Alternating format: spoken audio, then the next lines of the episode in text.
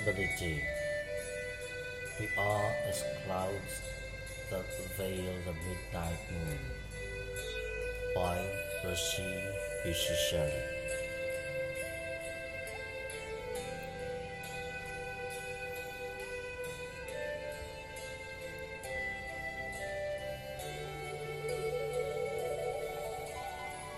We are as clouds that veil the midnight moon.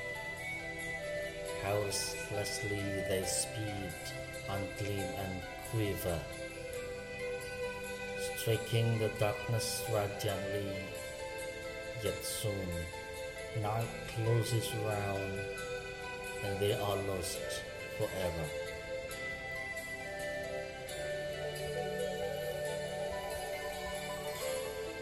Our like forgotten lyres whose dissonant strings give various response to its varying blast. To whose frail frame no second motion brings one mood or modulation like the last.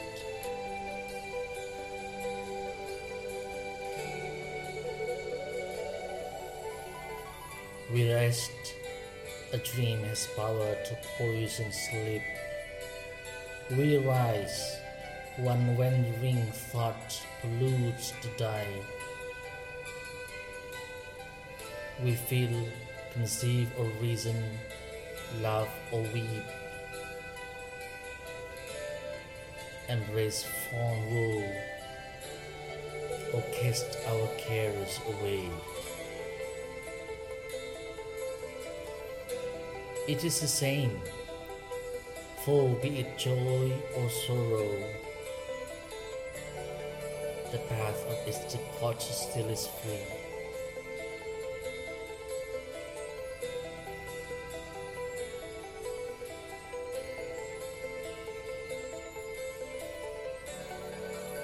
Man's yesterday may ne'er be like his morrow. Now may endure but mutability.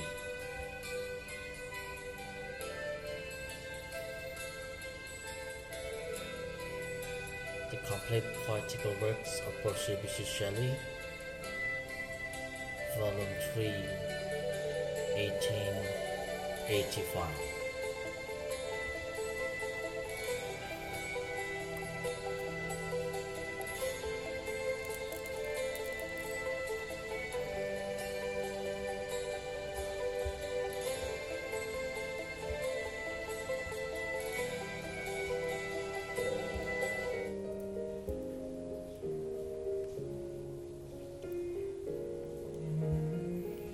Bismillahirrahmanirrahim. Assalamualaikum warahmatullahi wabarakatuh.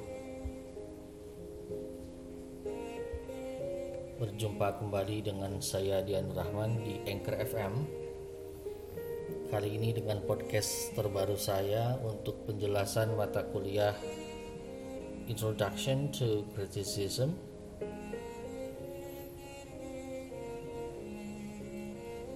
Dan kali ini adalah topik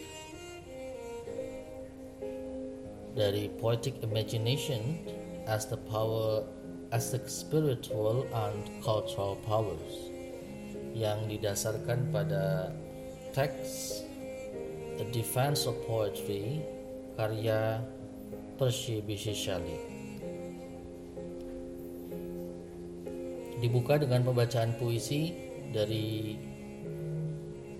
Percy Bysshe Shelley barusan dengan judul mutability atau we are as clouds that veil the midnight moon. Baik, apa kabar semuanya para warganet netizen yang budiman khususnya mahasiswa mahasiswi jurusan sastra Inggris yang mengambil mata kuliah Introduction to Criticism Semoga Anda semuanya tetap sehat, tetap semangat, di dalam menjalani perkuliahan di masa pandemi ini.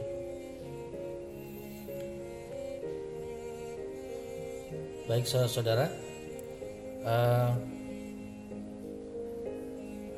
sebelumnya di pekan kemarin saya sudah menjelaskan mengenai William Wordsworth dan terutama dengan latar belakang gerakan romantik atau romanticism yang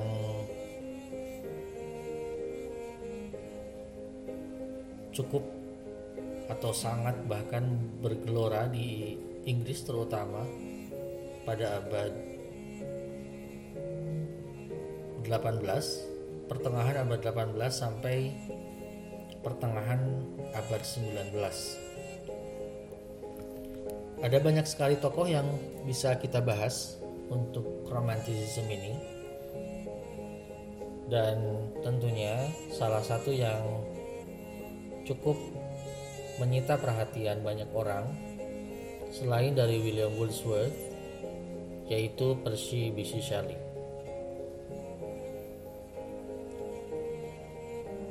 Shelley menulis sebuah esai berjudul A Defense of Poetry yang tentunya sudah kita bahas di kelas virtual kita, kelas maya kita.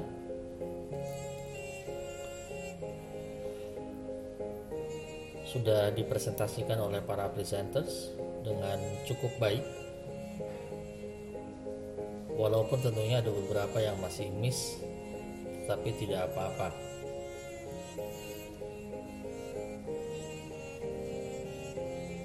A Defense of Poetry ditulis oleh Shelley sebagai jawaban terhadap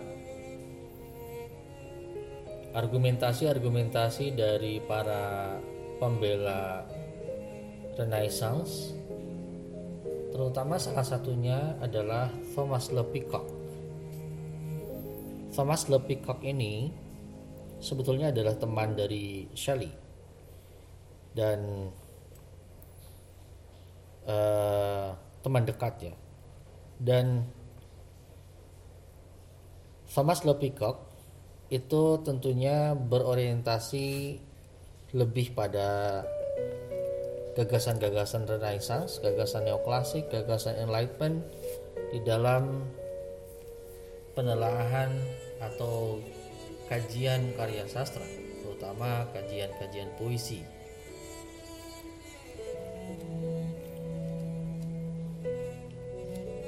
Di pengantar yang sudah saya tulis di buku untuk memahami Shelley, saya menulis di sana bahwa Shelley's defense of poetry makes perhaps greater claims for the poet than anyone else has dared. Ini maksudnya adalah bahwa tulisan Shelley yang berjudul Defense of Poetry ini adalah klaim terbesar yang paling berani yang pernah diungkapkan oleh penyair, oleh sastrawan.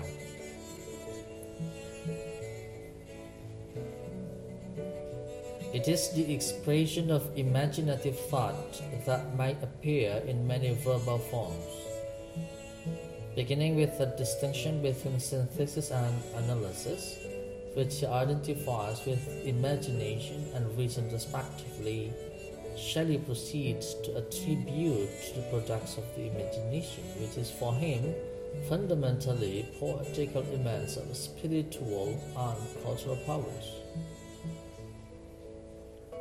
Jadi bagi Shelley di Defense of Poetry ini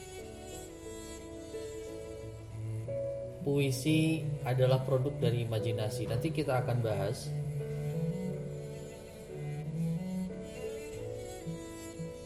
terutama di awal-awal tulisannya.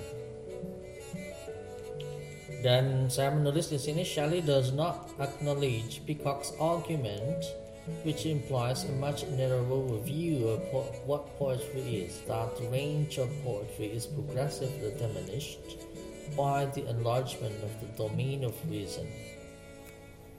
Jadi puisi itu bukanlah atau karya sastra secara umum bukanlah produk dari reason bukanlah produk dari akal bukan dari uh, pengetahuan logis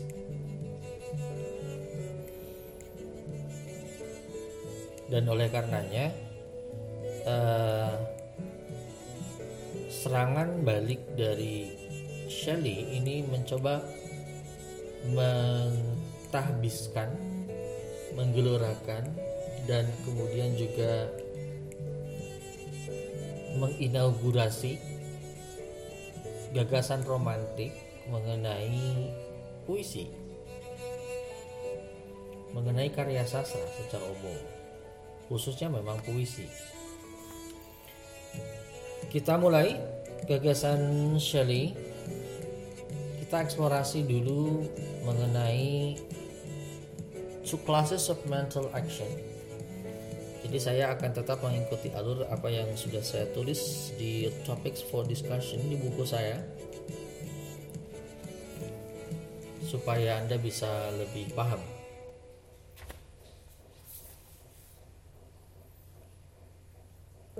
Saya akan membaca sedikit awal-awal awal paragraf dari A Defense of Poetry. According to one mode of regarding those two classes of mental action, which are called reason and imagination. The former may be considered as mind contemplating the relations borne by one thought to another, however produced, and the latter as mind acting upon those thoughts so as to color them with its own light, and composing from them as from elements other thoughts each containing within itself the principle of its own integrity. The one is the making, or the principle of synthesis, and has for its objects those forms which are common to universal nature and existence itself. The other is the reasoning or principle of analysis, and its actions regards the relations of things simply as relations, considering thoughts not in their integral unity, but as the algebraical representations which conduct to certain general result. Reason is the enumeration of quantities already known. Imagination is the perception of the value of those quantities, both separately and as a whole. Reason respects the differences, art, imagination, the similitudes of things. Reason is the, to the imagination as the instrument to the agent, as the body to the spirit, as the shadow to the substance. And poetry, in a general sense, may be defined to be the expression of the imaginations. And poetry is innate with the origin of man. dari satu paragraf plus satu kalimat di paragraf kedua di tulisan ini kita bisa melihat bahwa Shelley itu menyerang balik argumentasi-argumentasi Thomas Low Peacock yang menyerang bahwa karya sastra romantik itu tidak bermutu atau puisi romantik itu tidak bermutu dengan menguraikan bahwa pada dasarnya di dunia ini kita mengenal ada dua kelas dari tindakan mental manusia yang berhubungan dengan pengetahuan. Ini kalau saya sih melihatnya sebagai filsafat ilmu ya bagian dari filsafat ilmu penjelasan uh, filsafat ilmu dari ala ala versi uh, ala atau versi Shelley. Bahwa menurut Shelley, pengetahuan itu didasarkan atas dua hal. Yang pertama ada ada reason, ada reason. Yang kedua imagination. Reason ini berkaitan dengan differences, berkaitan dengan perbedaan-perbedaan hal, perbedaan-perbedaan dari benda, perbedaan-perbedaan dari objek. Yang kemudian dengan prinsip reasoning itu mencoba untuk menguraikan kuantitas bukan kualitas. Sehingga hasil yang dilahirkan oleh pengetahuan yang berdasarkan pada reason itu adalah logic analytic atau logis analitis dan itu melahirkan science ini yang tidak tidak di dijelaskan oleh Thomas Lepika oleh temannya. Yang kedua ada pengetahuan yang berdasarkan pada imagination yang mana imagination ini bukan prinsipnya bukan reasoning bukan menguraikan tetapi membuat making dan itu berkaitan dengan bagaimana nilai-nilai setiap atau kualitas dari setiap benda, setiap objek, setiap hal yang ada di dunia ini dipersepsi oleh oleh pikiran kita. Sehingga yang dihasilkan prinsip yang dihasilkannya adalah feeling sintetik, bukan logic analitik. Berdasarkan perasaan yang sintetik, sintetik maksudnya adalah menyatu, bukan analitik. Analitik itu adalah memecah belah, memecah-mecah, memecah belah menguraikan, sedangkan sintetik adalah menyatukan. Jadi bagi Shelley di dunia ini prinsip dasar dari imagination itu adalah proses penyatuan. Bahwa alam ini adalah satu kesatuan.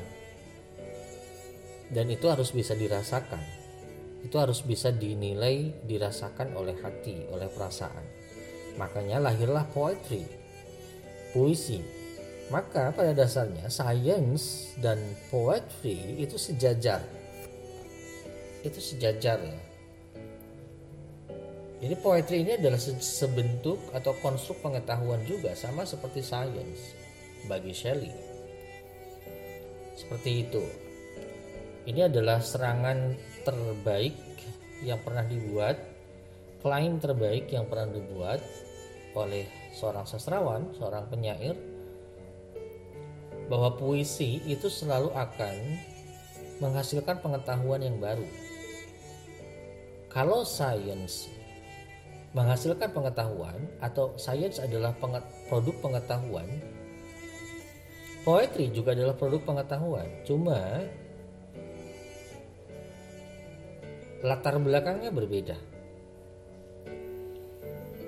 Science adalah produk dari pengetahuan yang logis dan analitis, sedangkan poetry adalah produk pengetahuan yang berdasarkan pada rasa dan sintetik, sintetis, proses penyatuan. Seperti itu saudara-saudara, untuk latar belakang kenapa misalnya A Defense of Poetry ini ditulis. Jadi di dalam satu paragraf saja Shelley sudah bisa atau mampu menyerang balik Thomas Leacock argumentasi-argumentasi yang menyerang bahwa karya sastra atau puisi-puisi romantik itu lebay, alay mungkin gitu ya e, cengeng berbicara tentang senja berbicara tentang hujan berbicara dan sebagainya dan mengabaikan prinsip-prinsip logis analitis prinsip-prinsip realitas. Dan bagi Shelley prinsip-prinsip realitas, prinsip-prinsip yang logis analitis itu betul ada dan itu sumbernya dari reason. Sedangkan puisi itu sumbernya dari imagination. Dan itu adalah satu bentuk pengetahuan yang baru. Dari sini kemudian Shadi mengungkapkan banyak hal, uh, beberapa di antaranya terkait dengan varian-varian definisi puisi yang dia buat. Uh, banyak sekali. Anda kalau mengecek tulisan ini secara detail membaca maksudnya membaca tulisan A Defense of Poetry yang ada di buku saya itu secara detail itu Anda akan mendapatkan definisi puisi itu lebih dari 10 itu yang memakai to be memakai uh, komparasi langsung atau memakai metafor gitu ya banyak sekali di sini.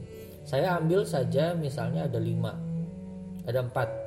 Saya ambil empat saja misalnya yang yang yang menurut saya definisi puisi ini sangat erat kaitannya dengan gagasan-gagasan atau gagasan dari gerakan romantik di Inggris. Ya terutama di pertengahan abad 18 sampai pertengahan abad 19 pada masa itu yang pertama yang saya kutipkan di sini adalah the expression of imagination. Tentu adalah ini yang yang yang ada di paragraf kedua di teks A Defense of Poetry itu ya. Tadi saya saya tadi saya membacakan puisi dari Shelley. Sengaja saya membaca puisi dari Shelley yang tidak terlalu terkenal.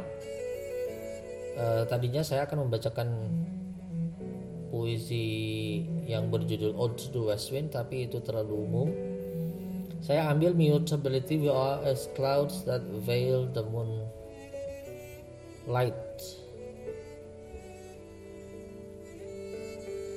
uh, di puisi ini di puisi yang tadi saya bacakan di awal jelas sekali itu merupakan bagian dari pengungkapan imajinasi yang begitu kuat the expression of imagination.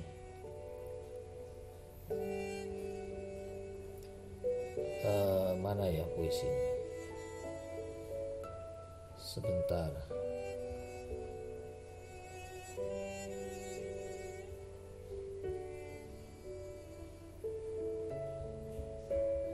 Mutability.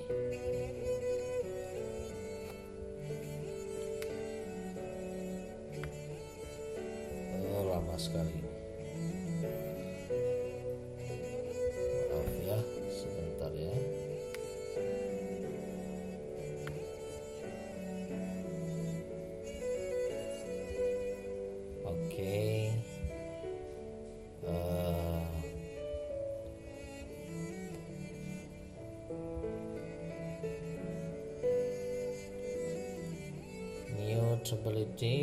as clouds that veil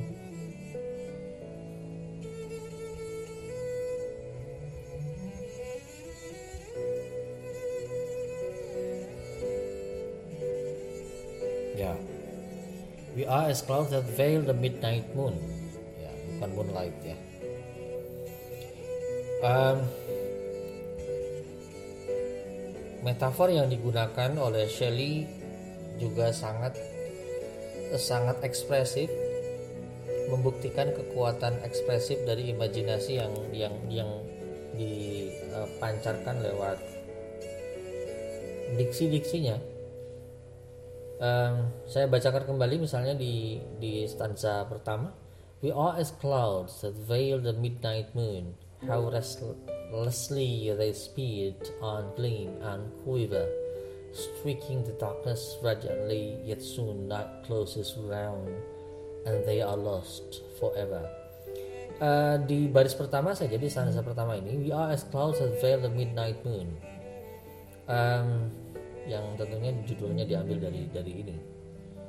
Ini sudah merupakan satu bentuk metaphorical expression yang berangkat dari imajinasi bahwa uh, kalau kalau kita bandingkan dengan prinsip realis ini tidak mungkin ada hadir di puisi-puisi atau sajak-sajak yang berorientasi pada realis.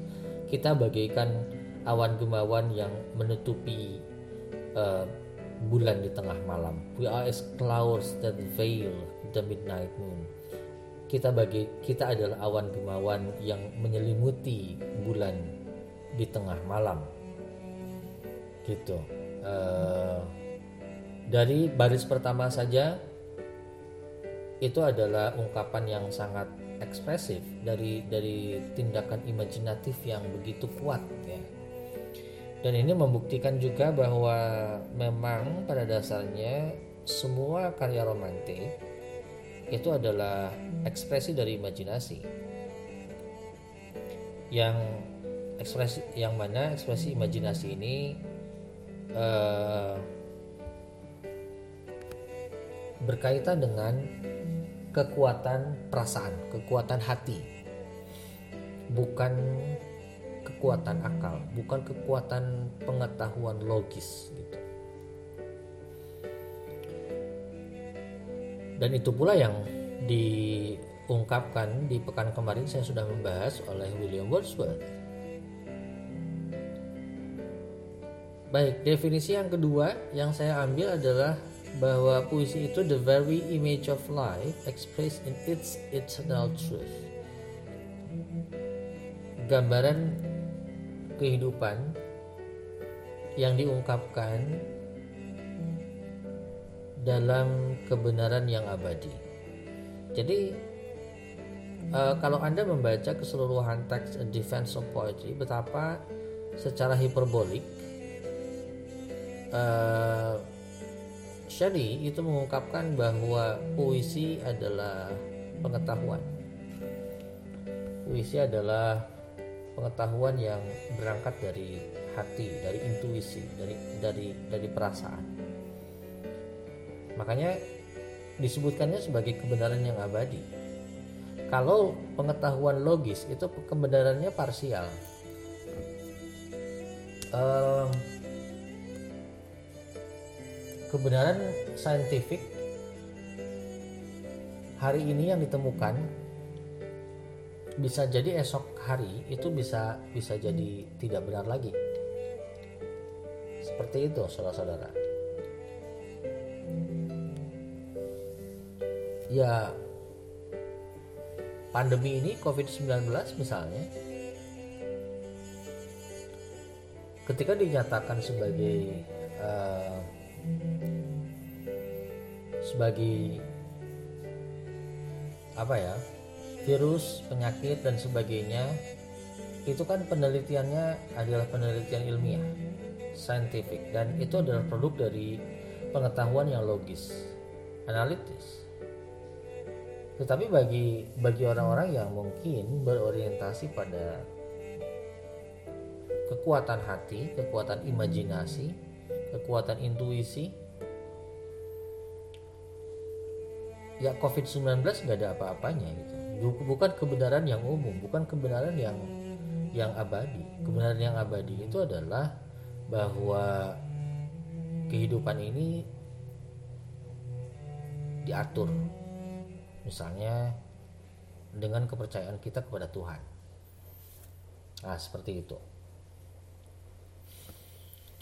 uh, Kemudian definisi yang selanjutnya yang saya ambil adalah bahwa puisi lifts lifts the veil from the hidden beauty of the world, makes familiar objects as if they were not familiar.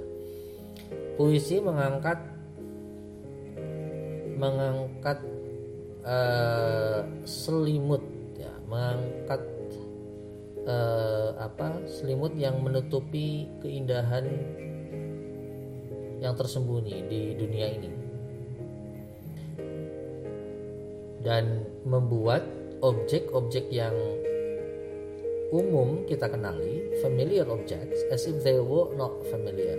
Seolah-olah tidak familiar tidak uh, dikenali oleh kita ya bagaimana bagaimana dengan uh, maksudnya bagaimana mungkin objeknya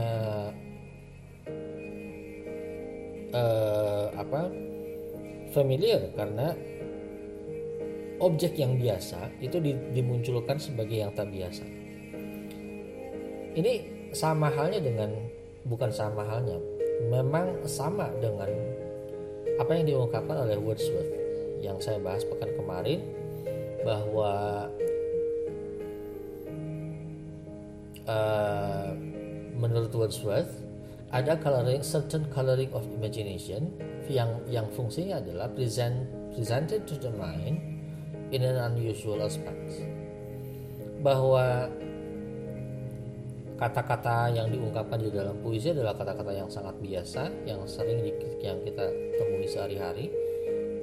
Tetapi ketika ada certain coloring of imagination maka dia menjadi terhadirkan dihadirkan ke dalam pikiran kita menjadi tidak biasa unusual aspect. Sama dengan dengan Shelley. Makes familiar objects as if they were not familiar. Kemudian yang keempat yang saya ambil adalah uh, puisi adalah the record of the best and happiest moments of the happiest and best minds. Puisi adalah catatan terbaik dari catatan terbaik um, dari momen-momen yang paling baik dan paling membahagiakan dan dari pikiran yang paling baik dan paling membahagiakan. Uh, bagi romantik bagi kaum romantik atau dalam gerakan romantisisme gagasan-gagasan romantisisme sesuatu hal yang membahagiakan bukan hanya terkait dengan kebahagiaan itu sendiri tetapi apa pun yang dialami oleh manusia oleh dia baik itu yang menyedihkan sekalipun sebetulnya itu sudah uh, itu sudah merupakan bagian dari kebahagiaan. Nah, seperti itu. Itu uh, definisi-definisi puisi yang saya ambil. Dan masih banyak lagi definisi yang lain. Sebetulnya yang uh, boleh uh, anda sendiri ungkap ya di teksnya Defense of Poetry. Kita lanjut uh, apa kita lanjut ke the function of poetical power. Fungsi dari kekuatan poetik itu apa? Ada dua kata kata Shelley ya. Ini di halaman berapa ya? Uh,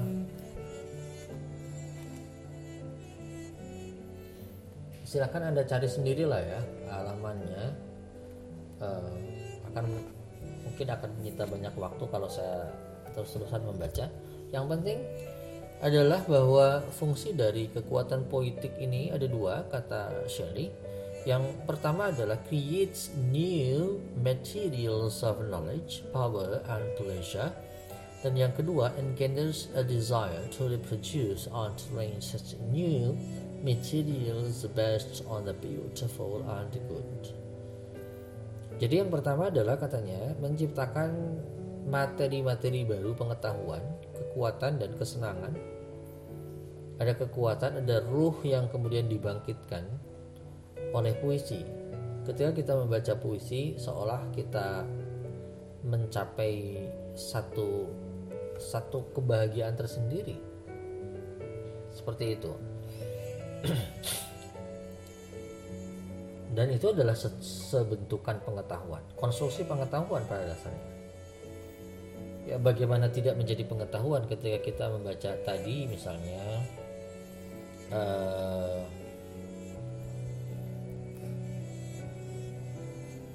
di We Are As Clouds That Veil the Midnight Moon misalnya di stanza kedua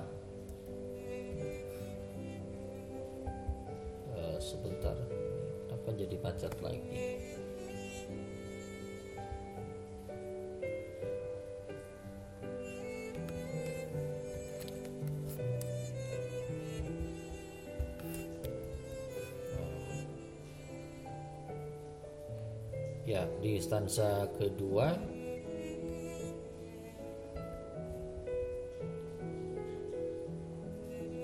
ya, kita lihat di stansa ketiga saja ya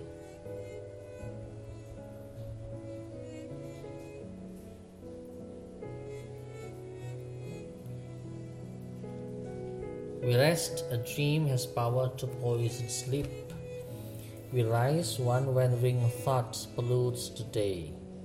We feel, conceive, or reason, laugh or weep, and brace for woe, or cast our cares away. Uh, sebetulnya sederhana ya dari dari dua dua baris di awal saja misalnya yang stanza yang stanza ketiga ini saya akan membuktikan kenapa misalnya yang uh, uh, function tadi ya membuktikan bahwa ada new materials of knowledge di puisi ini di di stanza ketiga we rest a dream has power to poison sleep. Uh, ini sebetulnya hanya kalau secara saintifik kalau secara logis analitis ini sebetulnya hanya hanya ingin mengungkapkan bahwa kita tertidur tertidur lelap. Gitu pada malam hari itu kita tertidur lelap. Gitu. We rest. A dream has power to poison sleep. Tetapi Shelley di sini menggunakan kata poison sleep. Tidur yang beracun gitu. A dream has power to poison sleep.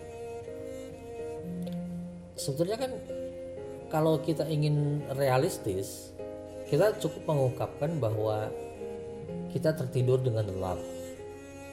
Tapi Shelley tidak mengungkapkan kata-kata itu. Shelley mengungkapkannya, we rest, a dream has power to poison sleep. Nah ini pengetahuan yang baru. Ini maksud dari new materials of knowledge. Ini adalah kekuatan. This is a power. This is also uh, apa? Pleasure. Ada ada satu kesenangan ketika kita membaca kita kita menuliskan menuliskan itu tidak secara realistis tapi secara imajinatif dengan daya kekuatan yang yang begitu hebat dari dari rasa dari hati. Seperti itu saudara-saudara. Dan yang kedua Fungsi dari kekuatan poetik itu adalah engenders a desire to reproduce and arrange new materials based on the beautiful and the good. Dan kemudian uh, me mengungkapkan um, apa menyusun mengungkapkan uh, materials of knowledge itu berulang-ulang to reproduce and arrange such new materials based on the beautiful and the good. Jadi ada ada keseimbangan uh, bentuk dan isi gitu. Itulah kekuatannya. Uh, yang kedua, bagaimana kata-kata itu memiliki kekuatan sendiri, bagaimana diksi memiliki kekuatannya sendiri bagaimana uh, makna itu tercipta dengan dengan baik dengan indah. Dan disusun dengan cara yang begitu indah susunannya yang baik susunannya yang bagus. Nah itu fungsi dari poetical power twofold function of poetical power. Dan selanjutnya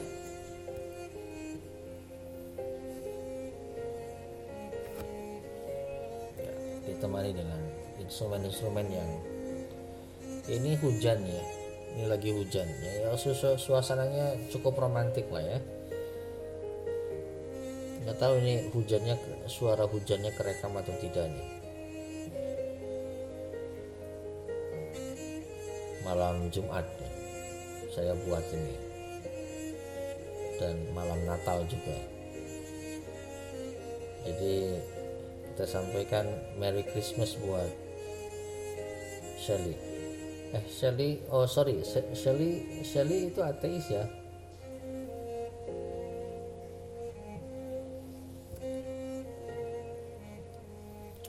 Baik selanjutnya uh, what is point uh, kita akan mengungkapkan ini hanya sekedar untuk meng, meng, apa, e, mengulas saja bahwa gagasan romantik itu selalu memposisikan penyair itu menjadi sentral, menjadi menjadi pusat. The center of the knowledge itself. Pusat dari pengetahuan itu sendiri adalah para penyairnya. Makanya ini lebih gila lagi gagasannya kalau kalau uh, secara metaforis uh, William Wordsworth pekan kemarin saya membahas uh, dia dia mengungkapkan di preface to the second edition of Lyrical Balance bahwa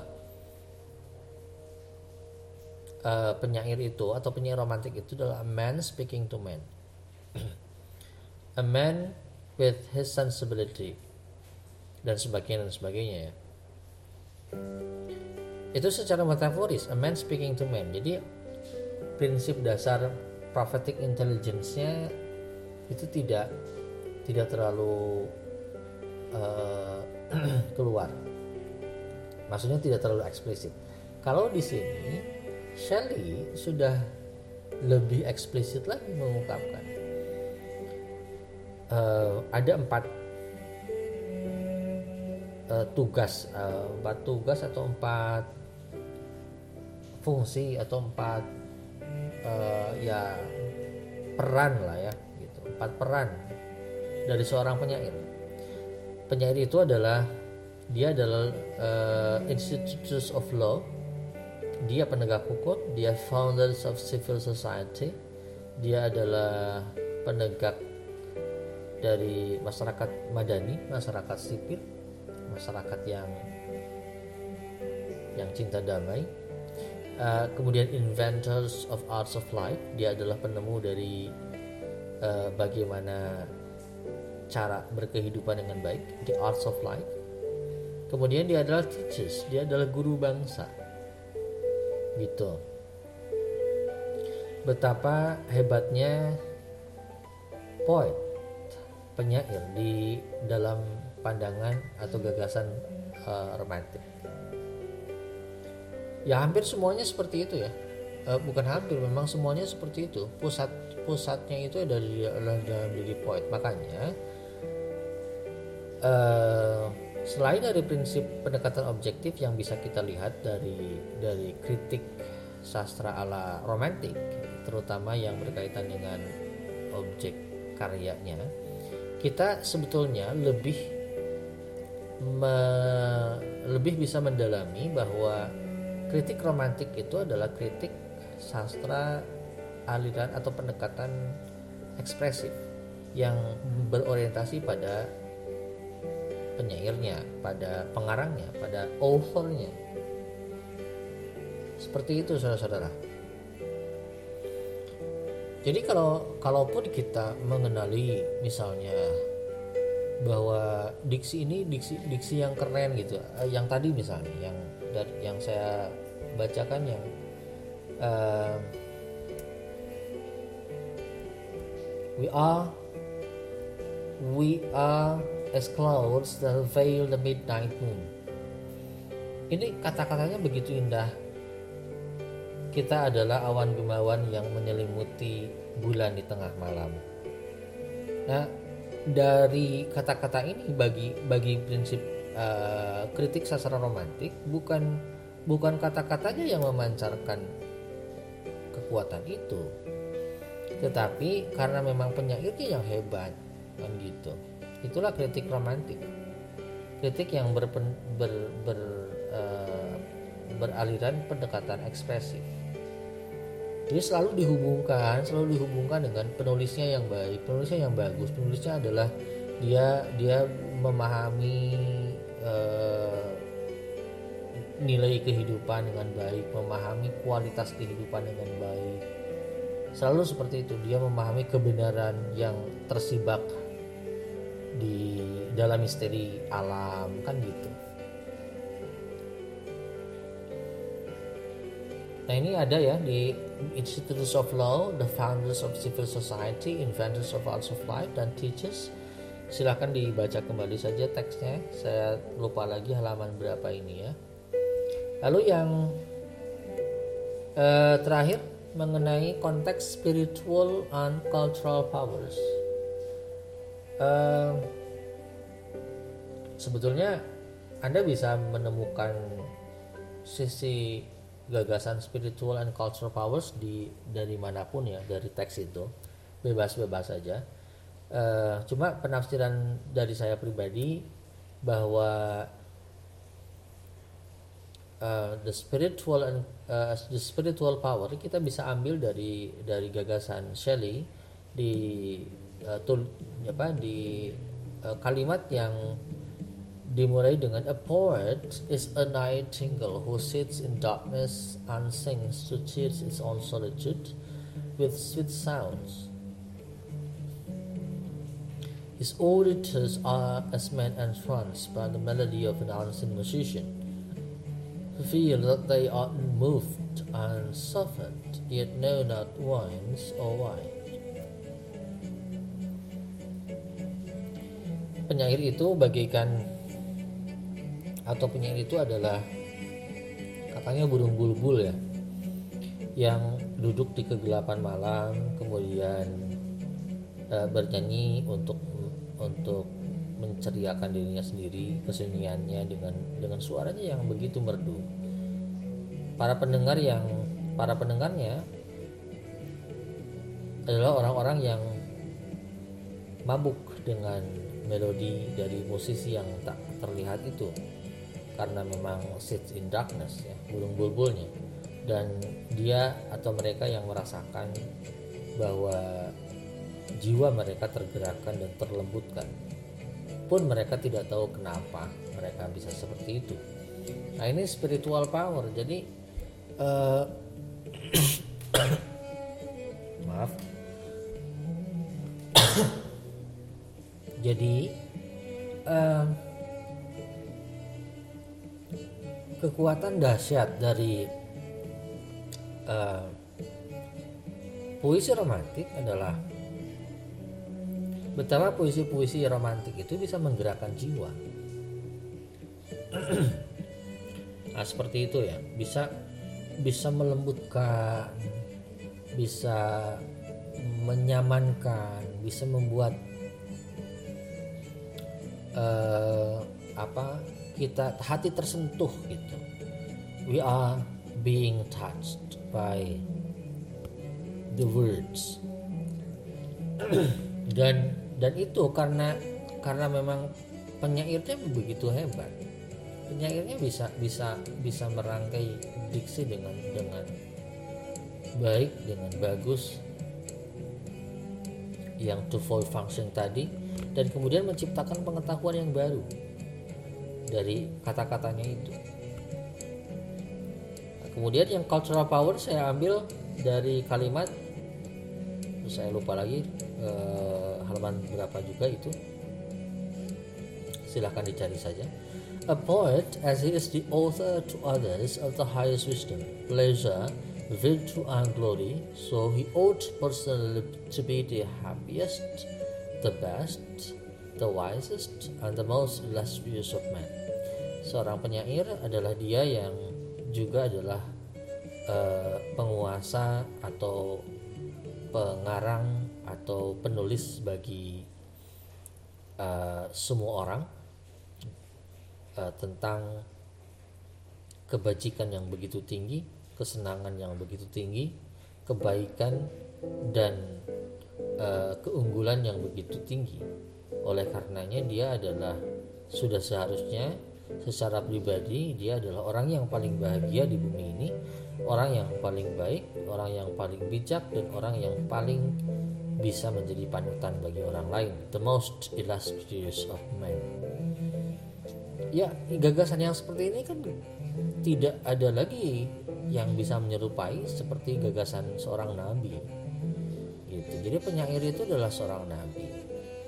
Penyair adalah orang yang paling bijak orang yang yang bisa menyenangkan orang orang yang paling paling bahagia orang yang paling bisa menciptakan gagasan-gagasan tentang kebajikan tentang kebijaksanaan tentang kebaikan nilai-nilai betapapun pedihnya rasa kehidupan yang di yang dirasakan dialami oleh oleh sang penyair tetapi dia tetap bahagia dengan itu. Jadi kebahagiaan bukan hanya tawa, tetapi tangis juga adalah bagian dari kebahagiaan itu sendiri. Itu bagi romantik. Seperti itu, saudara-saudara. Uh, dan saya menerjemahkan kalimat sebuah kalimat di teks itu puisi menguatkan kecakapan dari hakikat moral manusia dan rahasia terbesar dari moral manusia adalah cinta.